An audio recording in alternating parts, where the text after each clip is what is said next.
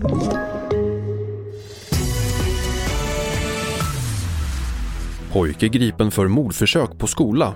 Trenden bruten, inlagda på IVA ökar och narkotikahandlare får tillbaka pengar från staten. Det här är det senaste från TV4-nyheterna och vi börjar i Eslöv.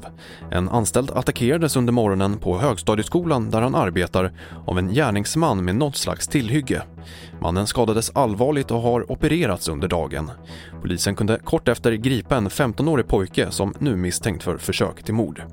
Under kvällen kommer församlingshemmet i centrala Eslöv hålla öppet för personer som drabbats, berättar Kerstin Melén Gyllensten som är chef vid barn och ungdomsförvaltningen i kommunen.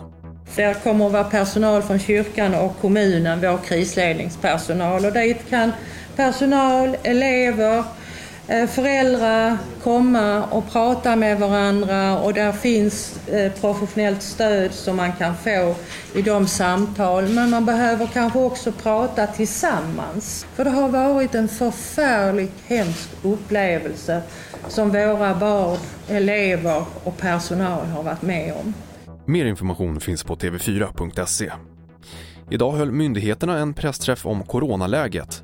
Vid den meddelades det att den ökade smittspridningen nu börjar märkas inom vården där den nedåtgående trenden i antalet inlagda patienter på IVA vänt.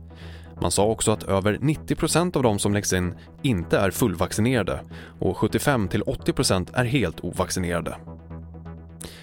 Staten ska betala tillbaka omkring 13 miljoner kronor till dömda narkotikahandlare efter ett misstag av åklagaren i samband med åtalet. Tillgångar i kryptovaluta som de tilltalade ska betala omvandlades till svenska kronor strax innan bitcoinkursen steg kraftigt.